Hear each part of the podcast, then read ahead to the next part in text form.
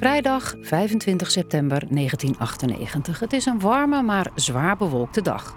Een moeder en haar 25-jarige zoon rijden die dag vanuit Heerlen naar Middelburg. Lopen de stad in naar het Zeeuws Museum op het Abdijplein.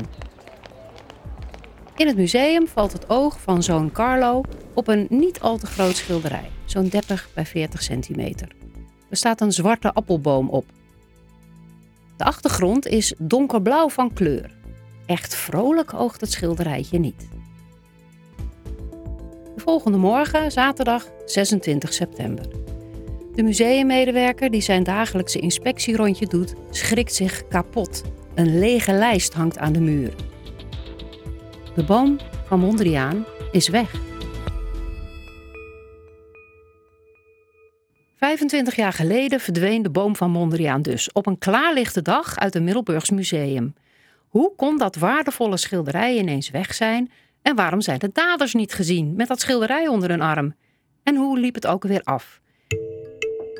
In de vierdelige podcastserie van Omroep Zeeland, genaamd De Verdwenen Mondriaan, pluizen Nadia Berkelder, Mercy Kamermans, Mark van Leiden en Veronique Roeg de maanden na de roof uit. Onze zoektocht begint bij oud-politieman Frans Bos, die het onderzoek leidde. In een envelop zaten twee foto's van de schilderij en de vraag om 50.000 Duitse mark. We gaan op zoek naar de daders.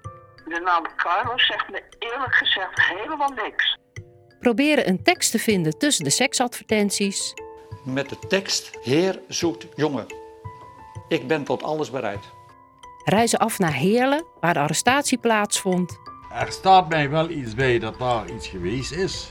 Het gebeurde vaker. Spreken een Belgische politieman over de vondst van het schilderij in Antwerpen. En die heeft hij dat gegeven. En hij heeft alleen gezegd dat hij dat in bewaring had, maar ik weet ook niet van wie. En hoe kon het schilderij zo makkelijk gestolen worden uit het Zeeuws Museum? Tijdens het onderzoek mocht er niet over gepraat worden. Maar uh, hij is dus uit de lijst gehaald. Luister naar de vierdelige podcast van Omroep Zeeland over de verdwenen Mondriaan.